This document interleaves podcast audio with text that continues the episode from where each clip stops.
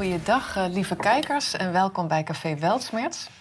Mijn naam is Heidi Gundal en ik zit vandaag aan tafel met Frank Rusink. Welkom Frank. Ja, dankjewel. Fijn dat je er bent.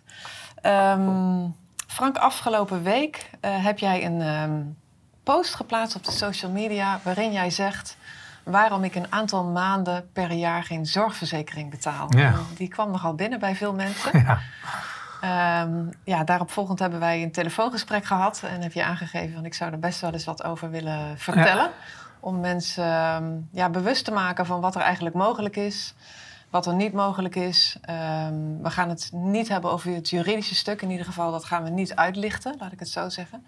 Met een expert of iets dergelijks. Maar we gaan het wel hebben over over jouw situatie en wat het met Mhm. jou doet. En uh, hoe jij dingen hebt aangepakt en waarom jij dit doet. Dus um, ja, misschien zou je willen beginnen met uh, vertellen hoe jij erbij bent gekomen om een aantal maanden per jaar geen zorgverzekering te betalen. Ja.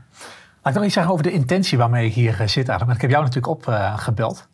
Um, ik voelde wel een beetje als een soort plicht om dit, dit te delen omdat ik voel dat als je zelf een soort kennis en ervaring hebt opgedaan waarmee je je medemens kan helpen, dat het eigenlijk ook weer je plicht is om het te delen. Mm-hmm. Dus ik had dit verhaal ook niet kunnen, uh, kunnen vertellen en dan hadden heel weinig mensen ervan geweten. En dankzij Café Weltsmets gaan er zometeen meer mensen dit weten.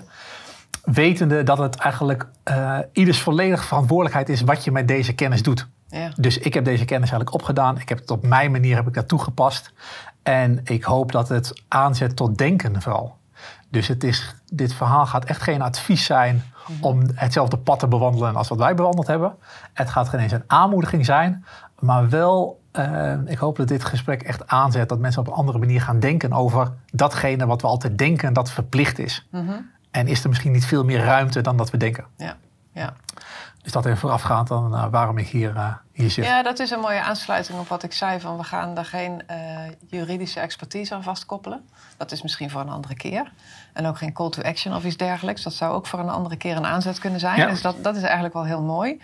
Maar puur jouw ervaring. Maar ook van, goh, wat doet dat eigenlijk met je als je zo'n stap zet? Ja. Ja, Ja. dus ik ben heel erg benieuwd naar je verhaal. Nou, nou, ik kan iets zeggen over de aanleiding om er uiteindelijk gewoon een aantal maanden mee, per jaar mee te stoppen. We hebben het nu twee jaar uh, gedaan, dus ik voel ook van, ik zit hier echt, ik heb het wel doorleefd uh, twee jaar lang. Dat wij, ik noem het dan, dat wij een soort hop-on, hop-off relatie hebben met de zorgverzekeraar. Dus de bekende hop-on, hop-off bussen die je in elke grote stad uh, vindt. Je stapt op wanneer je wil en je stapt ook weer uit wanneer je, wanneer je wil. En wij stappen nu twee keer per jaar, stappen wij gewoon aan het eind van het jaar uit de zorgverzekering. Dus dan zeggen we onze zorgverzekering uh, op. Um, en dat doe ik echt vanuit een soort ja, diep bewustzijn dat het zorgverzekeringssysteem zoals we dat nu hebben, dat dat niet kloppend is. Mm-hmm. Vanuit mijn pers perspectief klopt dat helemaal niet. Ik heb twintig jaar lang gewoon altijd netjes mijn zorgverzekering uh, betaald. Of vanaf het allereerste moment dat ik dat, dat moest gaan, uh, gaan doen. En ik heb altijd gedacht, ah, dat is wel goed, want ik draag dan bij aan het collectief. Dus het, voor het collectieve welzijn betaal ik daaraan mee. En ook voor het geval dat mij iets overkomt, dan ben ik in ieder geval daarvoor uh, voor verzekerd. Ja. Dus ik heb altijd gewoon helemaal meegelopen in het reguliere pad, wat volgens mij uh, meer dan 99% van, de, van Ja. andere Nederlanders ook Ja. uh, loopt. Tot ik mij begon te beseffen dat ehm, ehm, we allemaal als mens, en ik zeker ook gewoon als, als Frank zijnde, zelf verantwoordelijk ben voor mijn eigen gezondheid. En dat ik zelf invloed uit kan oefenen op mijn eigen gezondheid. En dan gaat het niet alleen over mijn fysieke gezondheid. Nee, dan gaat het ook over mijn mentale gezondheid. Dan gaat het over mijn emotionele gezondheid, mijn spirituele gezondheid. En wat ik van de Peruanen geleerd heb, ook mijn seksuele gezondheid. Mm-hmm. Daar heb ik verantwoordelijkheid uh, voor, te, voor te nemen. En we zijn natuurlijk opgegroeid in een, in een, in een systeem waarin de overheid heel vaak zegt: oh, maar wij nemen dat wel uit handen. Ja. Wij, wij zorgen eigenlijk wel voor jou. Terwijl ik voel, nee, ik wil gewoon in eerste instantie gewoon voor mezelf zorgen op de manier die voor mij, uh, voor mij passend is. En als iets niet meer past, kan je er dan eigenlijk ook gewoon mee stoppen. Ja. Zo heb ik ooit in het verleden heb ik afscheid genomen van alles wat met pensioenen te maken had. Omdat ik voelde, ik wil eigenlijk helemaal geen pensioen meer hebben. Ik wil ook niet bezig zijn met pensioenopbouw. Ik wil gewoon leven en altijd waardevol blijven zijn voor de mensheid. Waardoor ik eigenlijk gewoon nooit hoef te stoppen met, uh, met, met werken. En hetzelfde had ik met de zorgverzekering. Dat ik op een gegeven moment voelde van ik, betaal de hele tijd. Terwijl ik een totaal andere gezondheidsvisie heb. Ja. Dus um, uh, in deze tijd zouden we zeggen het is een alternatieve uh, gezondheidsvisie. Ik vind het meer dat het een reguliere gezondheidsvisie is. Om altijd preventief bezig uh, te Ja. zijn. Dus ik betaalde altijd gewoon keurig elk jaar mijn, mijn premie. Gewoon per maand werd het eigenlijk afgeschreven. Terwijl ik declareerde nooit meer iets. Dus we hebben ook bij ons in huis, ook met vier kinderen, wij hebben geen potje staan van de farmaceutische industrie. Wij sponsoren de farmaceutische industrie in geen enkel opzicht daar, daarin. Dus we hebben een pillenvrij huis. Maar we zijn natuurlijk altijd nog wel bezig met zorg. Ja. Want je hebt altijd wel zorg nodig om te zorgen dat je gezond uh, blijft. En het begon steeds meer te wringen uh, voor mij dat ik dacht: oké, maar ik betaal mee aan een systeem waarin ik niet, uh, niet geloof. En het werd nog een keer extra getriggerd. En dat was in 2018 was dat. Ik had er ook nog een linkje van toegestuurd. Dat bij RTL Nieuws kwam dat toen langs dat de zorgverzekeraars eigenlijk mijn gezondheidsvisie aan het ridiculiseren waren. Dus dat ging bijvoorbeeld over de regressie- en rekenatietherapie. Jullie hebben natuurlijk aandacht besteed aan het het prachtige boek van Maarten Oversier, Bestaansrecht, wat nu gelukkig door heel veel mensen gelezen, gelezen wordt. Maar dat werd eigenlijk afgedaan van ja, dat is helemaal niks en het levert eigenlijk helemaal niks op. En toen dacht ik, oké, ik betaal mee aan een systeem waar ik geen gebruik van maak. Ik betaal zelfs mee aan een systeem wat mijn visie op gezondheid ridiculiseert. Terwijl ik daardoor wel voor mijn gevoel super gezond, uh, gezond ben. En toen dacht ik wel, ja, dit moet gewoon anders. En het systeem stopt niet vanzelf. Dat nee. heb ik in de afgelopen jaren ook gezien. Het systeem stopt pas als wij als mensen zeggen: genoeg is genoeg. Ja. Uh, als je nu kijkt naar de boeren, is precies hetzelfde. Het systeem gaat eigenlijk wel door met het, het onteigenen van boeren. Totdat die boeren zeggen: genoeg is genoeg. Ja. Wij accepteren het niet meer. Trekken. En voor mij was dat ook de streep in het zand uh, op het moment dat ik voelde van... nee, er is gewoon een mogelijkheid om gewoon uit het systeem uh, te stappen... tijdelijk en vervolgens weer in te stappen. En toen dacht ik, dat verhaal moet ik gewoon hier gaan vertellen. Ja, plus dat systeem wat, we hebben, het, het, het hele zorgsysteem uh, rondom de zorgverzekering, dat systeem is curatief. En jij wil eigenlijk preventief je gezondheidszorg uh, uh, ja, aangeboden krijgen. Ja. En dat, dat is er dus niet. In ieder geval niet vanuit dat systeem. Nee, ja, ik vind echt dat we, dat als je kijkt naar het aantal mensen wat een chronische ziekte hebben, en het is, ik heb daar geen enkel oordeel over, laat duidelijk zijn. Hè. er, er is gewoon ziekte. Ja. Maar we leven nu in een realiteit dat echt miljoenen mensen een chronische ziekte hebben. Eén op de vier kinderen, dat onderzoek gebleven, één op de vier kinderen heeft een chronische aandoening. Ja. Dus voor mij leven we in een ziektekult op, op dit, uh, dit moment. Dat ziekte wordt ook echt gecultiveerd. Kijk maar langs op de ABRI-borden hoe vaak je eigenlijk ja. een ziekte zit. Terwijl als mens, kijk, wij zijn niet geboren om ziek te zijn.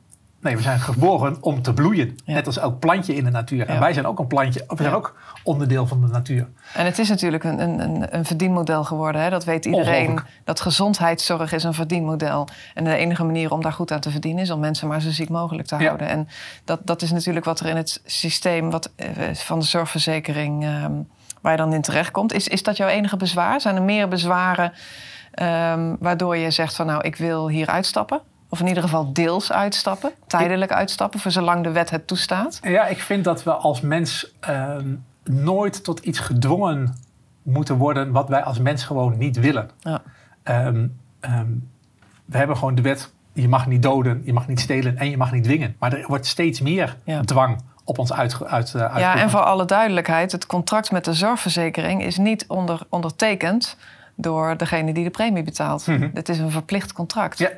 En eigenlijk zou dat niet mogen, want juridisch gezien mag je iemand niet verplichten tot een contract. Maar je bent wel verplicht om een zorgverzekering te hebben. Dus daar heb je natuurlijk een bepaalde schuring die niet helemaal klopt. Ja. En daar, daar zit, wat jou betreft, dus ook de ruimte om daarmee te spelen. Begrijp ik dat goed? Ja, zo zie ik het eigenlijk ook, ja. En dus eigenlijk ook te voelen van, oh ja, maar verplicht is misschien wel, wel verplicht. Uh, maar je kan er toch echt wel ruimte in, uh, in creëren. En ik vind het nog extra belangrijk om eigenlijk nu dat verhaal eh, te vertellen. Omdat ik voel, we hebben natuurlijk eigenlijk een periode achter de rug waarin ons heel veel angst aangepraat is voor ziekte. En als je nu kijkt hoe het eigenlijk gaat met de inflatie en dat mensen de rekeningen niet meer kunnen betalen en de energieprijzen die door het dak eh, gaan, weet ik dat er heel veel mensen gewoon in de financiële knel uh, zitten. En dat ik als ik vind dat ik uh, nou ja, per jaar bespaar ik dan zeg maar 800 euro als ik zes maanden niet mijn verzekering betaal, dat ik ook wel de plicht heb om dat verhaal te vertellen. En nogmaals, wat mensen hiermee doen is aan henzelf. Ja. Maar ik, moet, ik vind wel dat mensen moeten weten dat die mogelijkheid er is. Ja, maar wat ik wel belangrijk vind om even te noemen, want je zegt nu uh, per jaar bespaar ik ongeveer 800 euro als, ik, als ik deze stap zet, hè? Als, ik, als ik het op deze manier doe. Ik heb zelf het vermoeden dat, dat jouw bezwaar eerder principieel is dan vanuit financiële overweging. Klopt. Welk principe zou je daar dan echt willen noemen? Van ik, wat je net zegt, hè, van ik maak gebruik van een systeem wat mij eigenlijk ridiculiseert. Ja.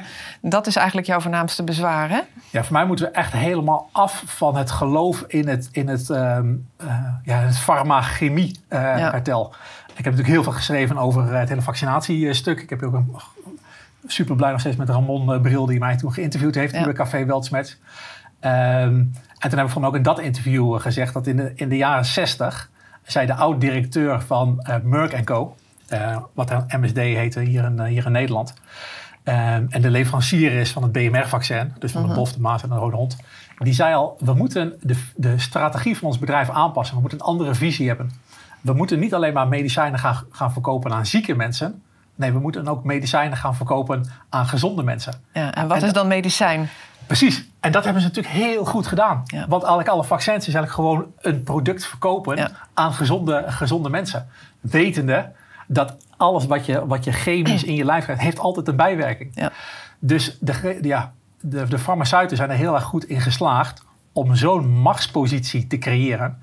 En ik vind dat die machtspositie veel minder zou moeten worden. Mhm. Dus ik vind dat, er, vind dat er veel meer erkenning zou moeten komen voor al die mensen die voelen dat er een andere gezondheidsvisie nodig is dan uh, ja, de medicijnen, wat geen eens een medicijn is. Ja, ja en uh, in het Engels wordt er natuurlijk veel duidelijker omschreven. Dan, dan heet het gewoon drugs. Ja. De drugstore. Ja. ja, we gaan naar de drugstore. En uh, ik denk dat die, die, die verwarring...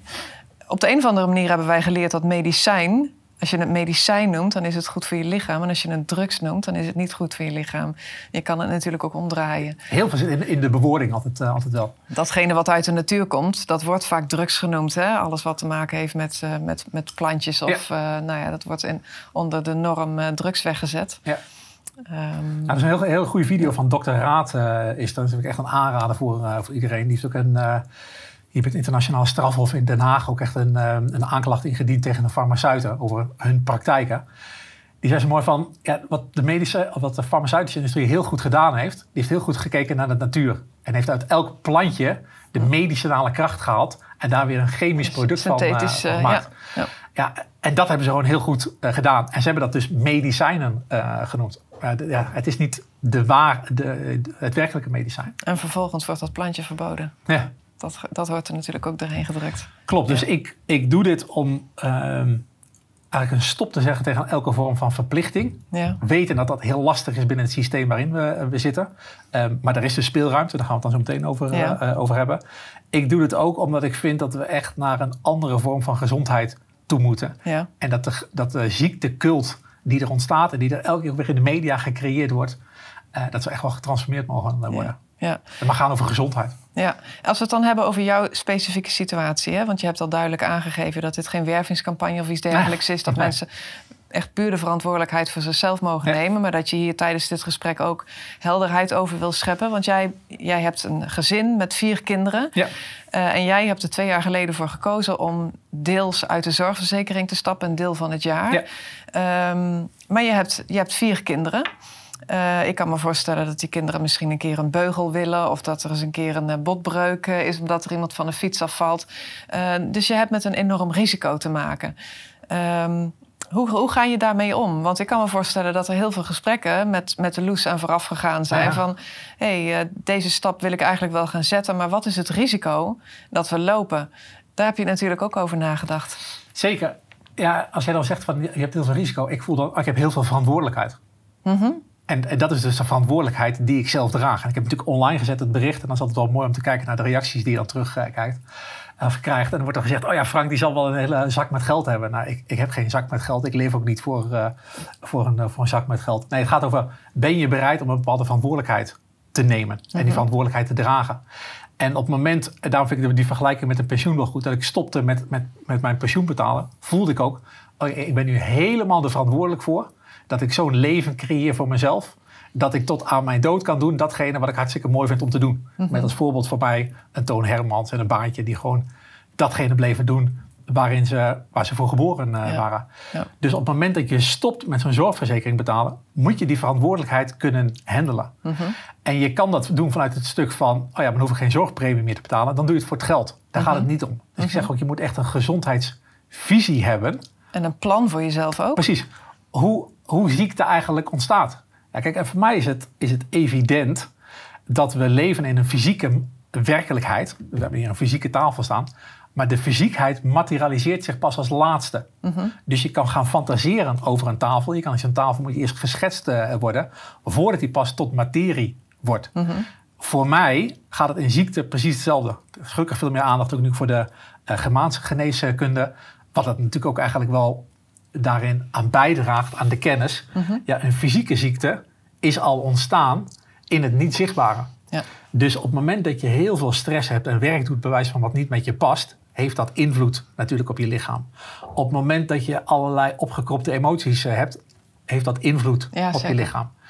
En ik weet dat er mensen zijn die die visie niet hebben. Mhm. Dus als je geen holistische gezondheidsvisie hebt, als je geen holistische kijk op het leven hebt, dan zou ik ook zeggen dat je dat zeker niet, niet moet doen, mhm. omdat je dan heel erg ook leeft met alles kan mij maar gewoon overkomen. Ja. En ik voel dat alles mij niet zomaar overkomt. Mhm. Ik ben zelf betrokken in dat creatieproces. En nu noem ik gewoon even een fictieve situatie die eigenlijk ook wel heel redelijk is. Uh, stel een van jouw kinderen of, of jijzelf of Loes krijgt een blinde darmontsteking, ik zeg maar wat. En daarvoor zou je naar het ziekenhuis moeten om een operatie te ondergaan. Um, dat is in ieder geval zoals het volgens de, de, de reguliere weg gaat. Hè? Van nou oké, we doen een testje. Nou, dit is een ontstoken blinde darm. Um, binnen 24 uur opgenomen en geopereerd. Hoe zou je in zo'n situatie ermee om kunnen gaan? Um, natuurlijk heeft dat een psychische factor, maar zeker ook een financiële factor. En het zit zo ingebakken in, in deze wereld, in, mhm. in ons. En, en jij gaat daar dus op jouw manier mee om. Waarvan ik denk, nou, dit, dit ja, verantwoordelijkheid. Dat is inderdaad een heel ander woord dan risico.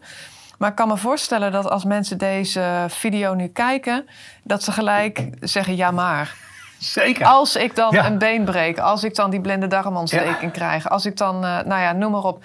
Hoe, hoe zou je daar in deze situatie mee omgaan? Maar ik weet ook dat deze video dat gaat op, oproepen. Want ik morrel aan bepaalde vaste overtuigingen die mensen hebben. Ik, ik morrel aan het idee dat alles je gewoon maar kan, kan overkomen. En dat je er eigenlijk een slachtoffer van, uh, van, uh, van bent. Ja, ja, daarom stel ik die vragen ook. Het, het is niet direct mijn persoonlijke vraag. Maar wel, ik, ik weet dat het vragen zijn die, die opkomen. En die ook heel redelijk zijn om, uh, om te stellen. Kijk, ik, ik voel wel als er iets eigenlijk niet kloppend in mijn systeem zit, dat ik daar verantwoordelijkheid voor neem. Dus ik ben iemand die gaat wel familieopstellingen doen. Mhm. Bijvoorbeeld bij Nathalie Steffens, die er heel goed in is. Ik ga wel maar een Maarten Oversier uh, toe als ik voel dat iets in mijn systeem niet uh, klopt. Maar dat betaal ik allemaal zelf.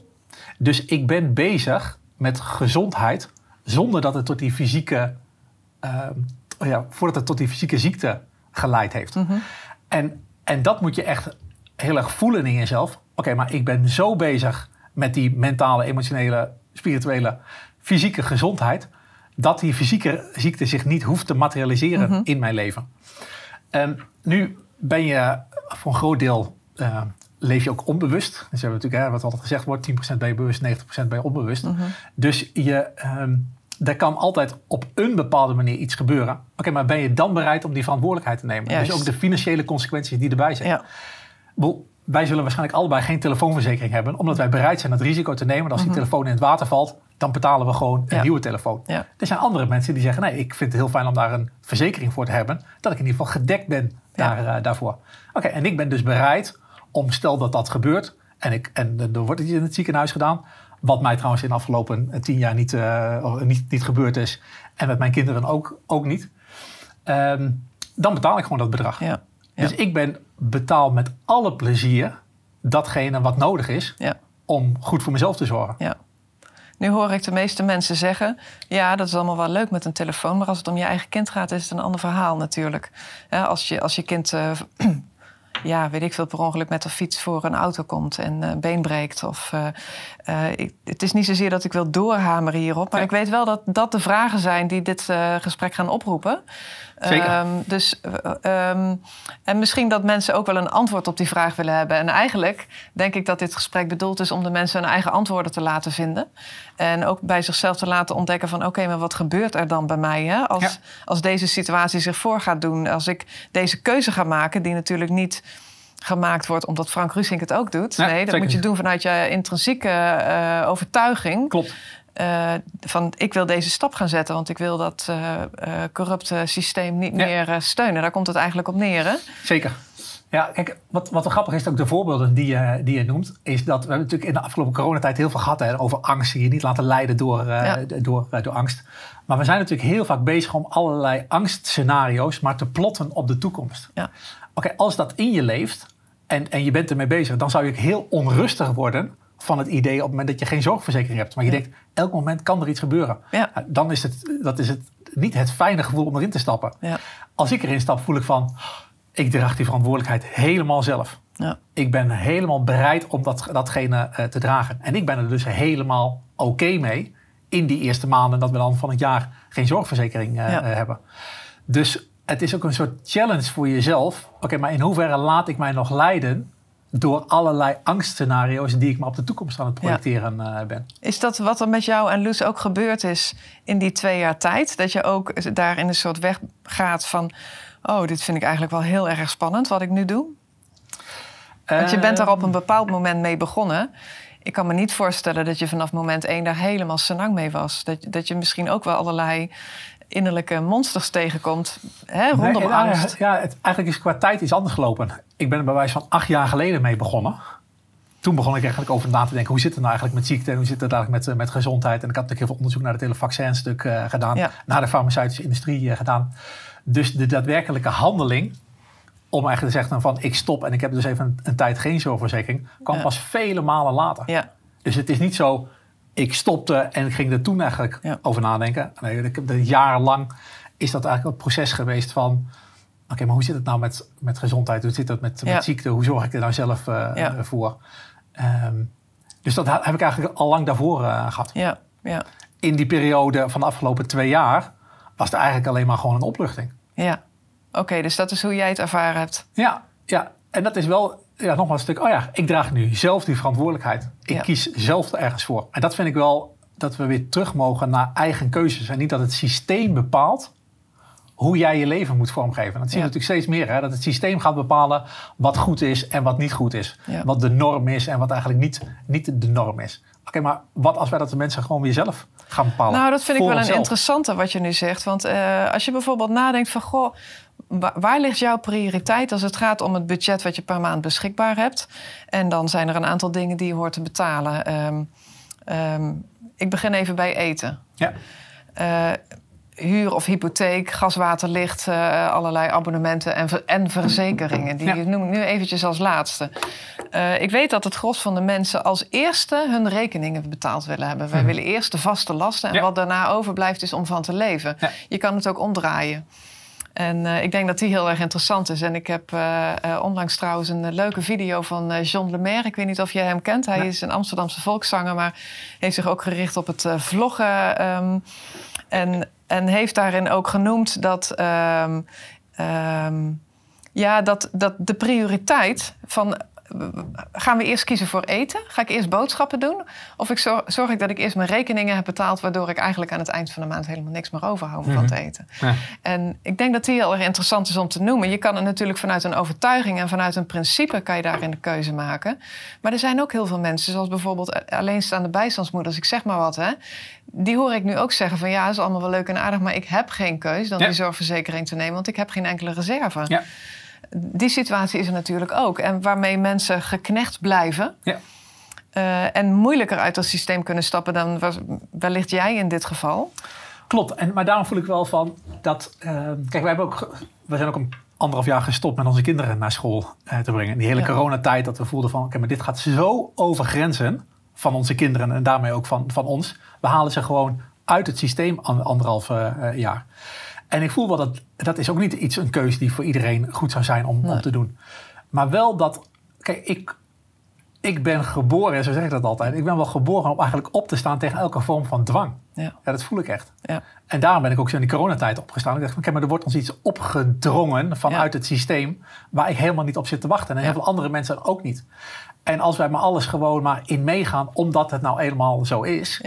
Ja. en omdat er ook eigenlijk heel veel angst aangepraat wordt... voor allerlei toekomstige situaties... Ja. eh, wat natuurlijk in de coronatijd helemaal hebben uitgerold zien, Ja. eh, zien worden. Ja, ik voel dat... ehm,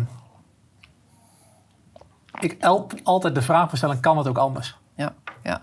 Wat ik zo leuk vond in het... Ik vond het eigenlijk helemaal niet leuk, maar ik vond het wel zeker typerend. En de post die jij geplaatst had op social media... waarin je dus eigenlijk dat verhaal vertelt... van nou, waarom ik eh, een aantal maanden per jaar geen zorgverzekering betaal... eh, zag ik er een reactie tussen staan die, die eigenlijk dit wel omschrijft... Ehm, eh, als mensen ervoor kiezen om uit die zorgverzekering te stappen, deels, en dus eh, deels ook niet meer te betalen, belast je eigenlijk je medeburgers met een hogere premie. Kortom, je doet het voor een ander. Dat is een beetje wat ik eruit haalde. En dat is natuurlijk waar heel die coronatijd om draait. En dat hele vaccineren om draait. Je doet het voor een ander. Doe je het voor jezelf? Ja, jij zegt van ik heb daar geen behoefte aan eigenlijk. Hè? Ook al is het verplicht, maar daar gaan we het dan zo direct eventjes over hebben. Maar je hebt dan dus ook een soort van controle vanuit de samenleving. Van ja, pas erop dat jij wel je premie blijft betalen. Want anders moet ik dadelijk een hogere premie gaan betalen. Hoe, sta jij daarin? Ik vond dat een hele typerende opmerking. Ja, maar dat zit natuurlijk in, in de coronatijd heb je dat al, eh, al gezien. Maar voor mij gaat het erover dat we zien nu gewoon dat heel veel mensen in de knel komen door het systeem. Ja, En ik wil dat mensen gaan leven. Ja. Ik wil dat de machtsbalans hersteld wordt. Minder macht voor het systeem en meer, dat meer mensen bij machten zijn. En dit, ik ervaar het dus ook als een soort grens. Maar we blijven, we betalen ook al via ons hele belastingssysteem betaal je ook al voor de zorg. Dus het is niet zozeer als mensen een zorgverzekering niet meer zouden betalen, alsof er dan geen geld meer eh, zou zijn voor de zorg. En eh, daarnaast ben ik bereid om eigenlijk volledig de verantwoordelijkheid te nemen. Dus als ik wel nog van het systeem gebruik moet maken voor zorg, betaal ik ook gewoon aan het eind betaal ik het zelf.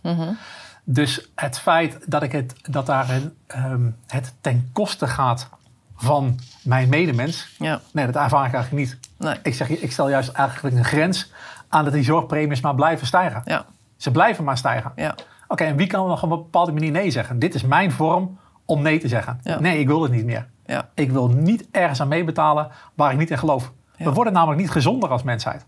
Als we nu aantoonbaar gezonder zouden zijn geworden in de afgelopen 15 jaar met dit systeem, zou, dan, dan had ik hier bij wijze van niet gezeten. ja. Dan is het eh, werkelijk een, eh, een, een, een gezondheidssysteem wat ook echt over gezondheid gaat. Klopt. Ja, maar dit gaat over ziekte in stand houden. Ja. Ja. En, en dus elke vorm die maar in het, in het hoekje alternatief gedrukt kan worden.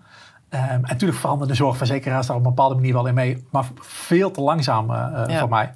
Ehm, ja, dan, dan moet de beweging ook wel vanuit ons als mensen zelf komen. Ja. En dit is mijn beweging. Ja, en wat ik eigenlijk daar dan uithaal is dat jij in die zin eh, ook zou zeggen van... goh, kijk eerst eens even naar wat het leven jou kost per maand. Hè, dus het eten en eh, nou ja, dingen die gewoon belangrijk voor je zijn... waardoor Hmm. je je gezondheid in stand houdt. Dus ook Ja. ontspannen. Eh, en van daaruit kijken wat blijft er over voor de vaste lasten. En natuurlijk weten we dat dat niet voldoende is wat er dan overblijft. Want zo zit het systeem nu eenmaal in elkaar. Maar het is wel heel goed om, om dat in die zin te exposen. Of ja, te exposen, om dat gewoon aan het licht te brengen. Ja. Zodat mensen dat inzicht krijgen. Want ehm, ja, ongelooflijk veel ziektes komen voort uit stress, uit angst, uit eh, mensen die onder druk Ja. staan, die gewoon veel te veel moeten werken, die eh, zich continu druk maken of ze überhaupt wel rond kunnen komen. En van daaruit allerlei fysieke klachten eh, en, en psychische Kijk. klachten. En ja, eh, laten ontstaan. Hè? Zeker. Nou, Ja. dat, dat is wel iets waar ik, me- ik me wel zorgen en ook wel druk over maak. Alle financiële problemen die er, die er zijn. En die- de financiële problemen die dus ook mensen krijgen door de verplichte zorgverzekering die er is. En de druk die ze voelen om dat altijd maar te blijven betalen. Ja. Terwijl ze al niet meer rond kunnen komen. Ja. Is dus ziekmakend. Ja, ja. ja zeker. Zeker. Ja. Ja. Maar da- dan even concreet, hè? want jij, hebt, eh, jij, jij, jij betaalt dus een aantal maanden per jaar niet. Ja. En je hebt gezegd van ik stap in en ik stap uit. Ja. Op het moment dat het eh, nog steeds binnen de mazen van de wet valt eigenlijk. Hè?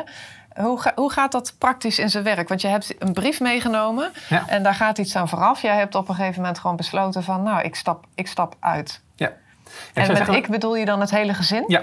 Ja. Ja, dus dan stapt iedereen uit. Eh, ik gewoon, eigenlijk gewoon, daar vind ik ook fijn om voor, voor de mensen die kijken het zo praktisch mogelijk eh, te maken. Ja.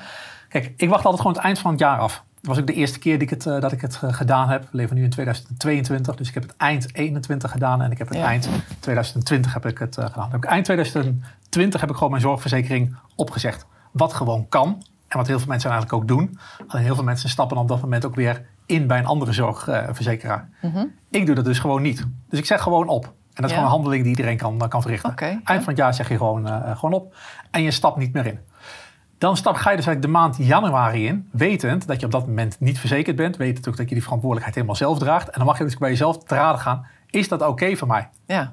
Of loop ik eigenlijk gestrest rond? Nou ja, die vind ik wel interessant. Van oké, dan die eerste maanden, wat gebeurt er dan met je? Want het geeft een gevoel van bevrijding, heb je Ja, voor mij is dat een bevrijding inderdaad. Ja. Ja. En voor de ander kan het stress opleveren. En als het stress oplevert, zou ik het zeker niet Kan je eh, snel weer hup doen. instappen. Je kan dus zelf weer bepalen wanneer je instapt. Ja? Dus de maand januari gebeurt er eigenlijk helemaal, helemaal niks. Je betaalt niet. Maand februari gebeurt er eigenlijk ook helemaal eh, niks. Maand maart ook niet. En dan in april ga je opeens een brief eh, krijgen. Dat is ook de brief die ik hier mee heb eh, genomen. Die krijg je van het CAK. Dat is het eh, Centraal Administratiekantoor. Dus dezelfde brief die we in beeld gaan brengen. En, ehm, maar jij, eh, jij hebt hem hier ook voor je, dus jij gaat er een stukje uit eh, voorlezen. Ja, ook wel eigenlijk om het gewoon... eh, dat het betrouwbaar eigenlijk gewoon is. En dat mensen gewoon weten wat gebeurt er dan, dan eigenlijk. Dus je krijgt dan die brief op, op de mat. En zij hebben als taak om onverzekerden op te sporen. Dus op een gegeven moment komt er ergens een... gaat Wat er hebben ze als taak? onverzekerden opsporen. Opsporen. Ja. Ja, oké. Dus op een gegeven moment komt er uit het systeem... Goh, die eh, heer Rusink, die heeft geen, eh, heeft geen zorgverzekeraar. Dus laten we die gewoon een brief gaan, eh, gaan sturen. Dus die krijg je dan op 7 april. krijg je die. En dan krijg je gewoon een soort formele mededeling... eh, dat je dus geen zorgverzekering hebt. Dus ik kan een klein stukje misschien wel even ja. voorlezen. Ja. Uh, Geachte heer Rusink, u bent ingeschreven als inwoner van Nederland, maar u heeft nog geen zorgverzekering. Iedereen in Nederland moet een zorgverzekering hebben voor het wettelijk basispakket van de Zorgverzekeringswet, de ZVW. Het is daarom belangrijk dat u snel actie onderneemt. Doet u dat niet, dan krijgt u een boete. Dus eigenlijk heb je dan de bevestiging, oké, we hebben je eigenlijk in het, eh, in het oog. Je moet eigenlijk gaan handelen, want anders ga je een boete eh, krijgen. Nu kan je eigenlijk zo ver gaan dat je zegt: Oké, ik neem die boete op de koop toe, want ik ben helemaal tegen elke vorm van verplichting die er, eh, die er is. Nou, daar moet je wel de ruimte voor hebben, daar moet je ook de energie voor hebben. Dat is dus niet mijn weg. Ik kijk alleen dan eigenlijk iets verder. Weet jij wat de hoogte is van die boete? Zeker, staat er ook in. Oké. Ja, ga ik zo voorlezen. Er staat dan, wat moet u doen? U moet binnen drie maanden een Nederlandse zorgverzekering voor het wettelijke basispakket hebben. Volgens de zorgverzekeringswet bent u dat verplicht. U moet deze verzekering voor 7 juli 2021 hebben. Dus je ontvangt dan die brief en je voelt dan, oh, ik heb nog gewoon drie maanden de tijd om dat te doen. Als je er stress van krijgt, dan kan je dus meteen weer instappen. En je gaat gewoon, weet ik veel, je gaat naar een site toe en je sluit een zorgverzekering af. En dan heb je dus een zorgverzekering. Of je denkt, nee, wat ik dus dacht, ik wacht gewoon tot 1 juli en dan stap ik weer in. De hoogte van de boete staat op de achterkant. Wat gebeurt er als u geen actie onderneemt? Als u over drie maanden niet verzekerd bent, krijgt u een boete. Die bedraagt 426 euro en 24 cent. Heeft u daarna nog geen Nederlandse zorgverzekering, dan krijgt u een tweede boete. Als u na twee boetes nog steeds geen Nederlandse zorgverzekering heeft, dan melden we u aan bij een zorgverzekeraar. Dan melden wij u aan bij een Dan zorgverzekeraar. gaan zij dat dus eigenlijk eh, doen. Oké. Ik voelde van, oh ja, ik stap dan gewoon weer in. Dus ik ben gewoon weer 1 juli ben ik gewoon weer ingestapt. En dan zijn wij gewoon weer aangesloten bij een eh, zorgverzekeraar. Voor mij is dat dan ook gewoon prima. Dan voel ik, oké, maar dat is blijkbaar het spel en het systeem wat er is. Ik creëer de ruimte voor zes maanden eh, voor mezelf. Ik neem die verant- verantwoordelijkheid. Ehm, en ik voelde dus ook wel, toen ik er al mee bezig was... er komt ooit een keer een moment dat ik dit verhaal naar buiten ga brengen. Omdat ik voel van, ja, mensen moeten gewoon weten dat dit er is. Ja. Of mensen het nou ridicuul vinden, of mensen het fantastisch vinden, dat maakt mij niet uit. Het gaat alleen wel om, ik ervaar dat er echt iets moet gaan veranderen in Nederland als het gaat over de manier van zorg. Ik vind het systeem ziekmakend en we hebben veel te veel mensen met ziekte. Dus vind ik ook dat ik een verantwoordelijkheid heb om er iets aan te doen. En dit zijn van de bijdragers die ik eh, lever. Mhm, ja. Ik kan me voor, eh, is, is dat de brief die je hebt voorgelezen of zit er nog een stuk eh, achteraan? Nou, voor mij is dat wel de essentie, is dat, Ja. zit er wel eigenlijk in. Ja, ik kan me voorstellen dat dat eerste jaar, misschien ook wel het tweede jaar, dat je eigenlijk automatisch uit het systeem komt rollen. Dat er geen ambtenaar is of specialist die daarna kijkt van, goh, die familie Rusink, Ja. die moeten we in de gaten gaan houden. Misschien dat ze dat na drie of vier jaar wel doen. Zo van, hé, hey, dit begint een patroon te worden. Familie Rusink, die, die is maar de helft van het jaar verzekerd. En eh, de eerste jaren hebben we dat niet zo in de gaten gehad, want dat gaat natuurlijk allemaal geautomatiseerd. Ehm, kan je je voorstellen hoe dat, eh, hoe dat zou kunnen zijn? Ja, daar leef ik toch best wel veel in het moment eigenlijk. Ja. In de zin van, eh, kijk, ik neem, neem de verantwoordelijkheid. En dat neem ik ook voor datgene wat er dan eh, komt. Ja. Ik ervaar alleen, dit is gewoon de werkelijkheid zoals die nu is. Dat is de Ja. werkelijkheid die voor mij en daarmee eigenlijk ook voor iedereen in Nederland geldt. Ehm, omdat heel veel mensen het niet weten en het passend kan zijn, vind ik dat ik dit verhaal te vertellen, Ja. eh, eh, vertellen heb. Eh, het kan ook zijn dat stel dat heel veel mensen het gaan doen, dat ze dit gaan aanpassen. Dat kan eigenlijk ook.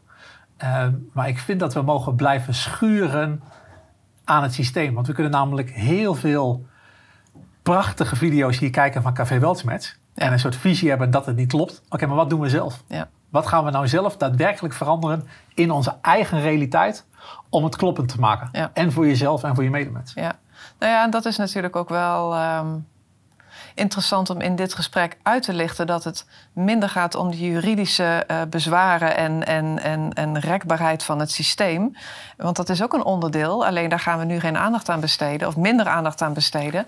Maar ook van wat gebeurt er met jou als mens als je deze keuze neemt. En eh, wat gaat er dan in jouw lijf gebeuren? Wat gaat er dan met jouw gevoel van Ja. gezondheid gebeuren? Ja. Dus je gevoel van vrijheid, dat is natuurlijk waar de meeste mensen die naar dit kanaal kijken eh, ook voorstander van zijn. En Ja. daar ook naar willen gaan leren leven. Want Zeker. dat, dat is niet van het een op het andere moment van... oh, nu ben ik vrij, want ik heb dat besloten. Dat is gewoon een, een enorme weg die... Waar. Tenminste, ik ervaar het in mezelf wel. Van Ja. oké, nu, nu kom ik dit dus tegen. Ja, die had ik kunnen verwachten.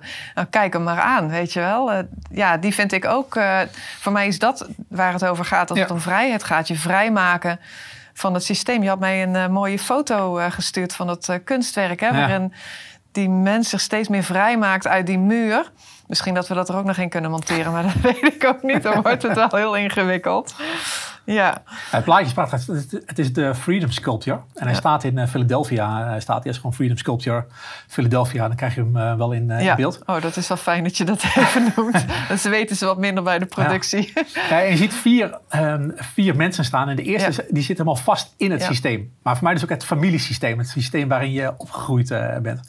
En je voelt dat de tweede persoon, die voelt al... Hey, maar ik heb, een, komen. ik heb een soort hart. En het hart wil ergens anders naartoe. Ja. Mijn bezieling wil ergens anders naartoe. Ik wil uit het Je systeem. wil naar voren, ja.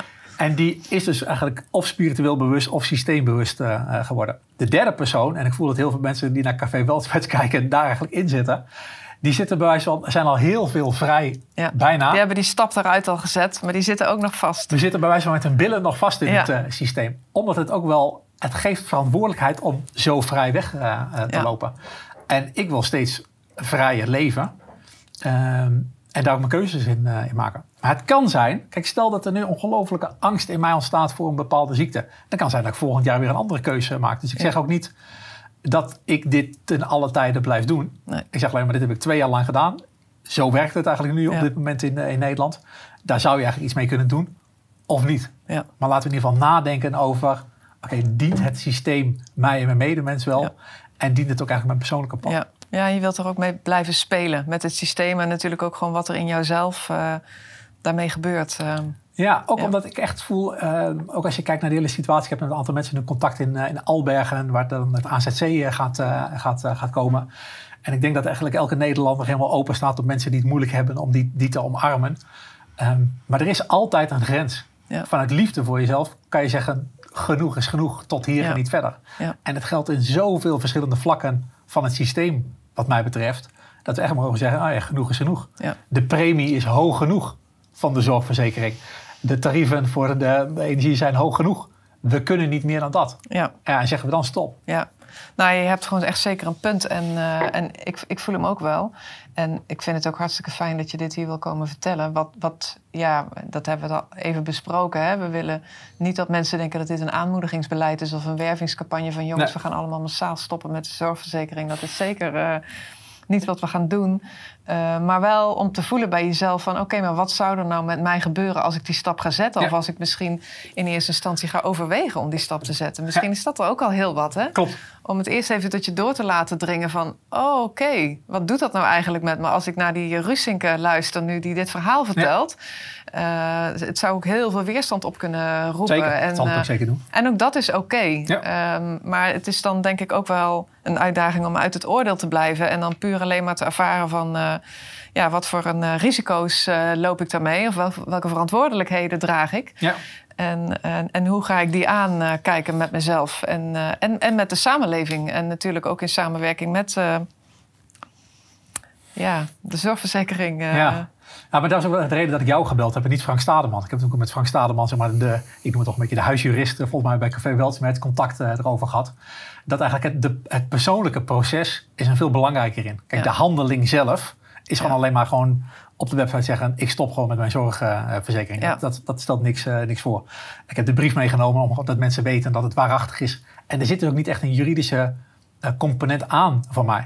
Voor mij zit er heel erg een menselijke kant Ja. die eraan eh, Ja. zit. En daarom vind ik het ook goed om dit echt vanuit die kant heel erg te gaan belichten.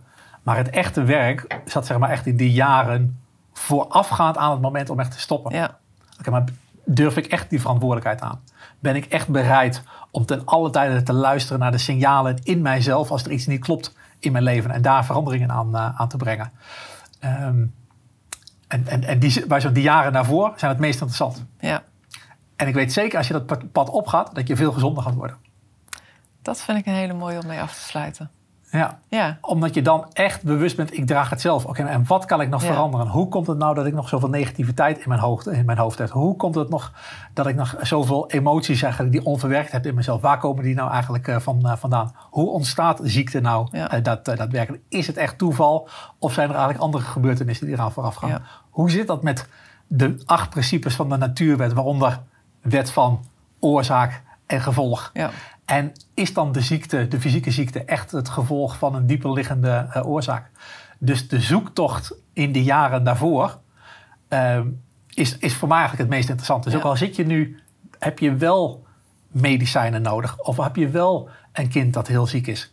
Ik bedoel, omarm dit verhaal dan niet vanuit het stuk, oh ja, ik zou ook moeten stoppen. Nee, omarm het dan een stuk, oh ja, hoe kan ik zelf nog meer verantwoordelijkheid nemen Ja. om te zorgen dat wij echt op een natuurlijke manier gezond eh, worden. ja. Ja, en ik denk ook los van het juridische stuk, want dat, dat, is, dat is er ook. En dat heeft ook eh, eh, recht, eh nou bestaansrecht. Is een heleboel zelfs. Ja, we gooien hem er gewoon nog even in, hè? Zit je gewoon schaamteloos reclame te maken voor het boek van Maarten Overstier? Ja, maar het gaat er zeker om dat je ehm, ja, op een bepaald vlak niet alleen maar aan het denken blijft, maar dat je dus ook gewoon in je lijf gaat voelen van oké, wat doet dit nou eigenlijk met mij als ik ook echt werkelijk vrij ga worden Ja. en niet alleen maar zeg dat ik vrij wil zijn. Eens. Want ja, het komt, vanuit het systeem zal het niet komen. Dus wij moeten ook een beweging gaan maken die, eh, ja, die wat dat betreft eh, vrijmakend, eh, Ja. vrijmakend moet gaan zijn. Ja, Ja, het nummer, het muzieknummer is natuurlijk al vaak gedraaid in de afgelopen eh, jaren. Maar het nummer van Soldaat van Oranje, als wij niets doen, Ja. wie dan? Ja. En dat voel ik echt in alles. Wij als mensen zullen het zelf moeten doen. Ik bedoel, de wijsheid, er hangt hier een trouwens fantastische poster met allerlei prachtige quotes die erop hangen met wijsheid. Maar toch wel, ja, be the change you want to see. Dus als je echt daadwerkelijk een verandering wil zien, ook een wezen dan ook gewoon. ja, Met alles wat mensen ervan eh, van vinden. Ook al word je genegeerd, ook al word je uitgelachen, ook al word je bevochten, zeg maar. Maar uiteindelijk gaat het wel om dat je het zelf bent. ja. Prachtige manier om eh, dit gesprek mee af te sluiten. Dankjewel. Dankjewel, Frank. Nou ja, voor, fijn dat je hier eh, mijn verhaal mocht vertellen. ja, dank ja. Café Weltsmets hiervoor. Nou, heel fijn. Lieve mensen, bedankt voor het kijken. En ehm, ja, laten we maar even indalen, dit gesprek. Tot de volgende keer.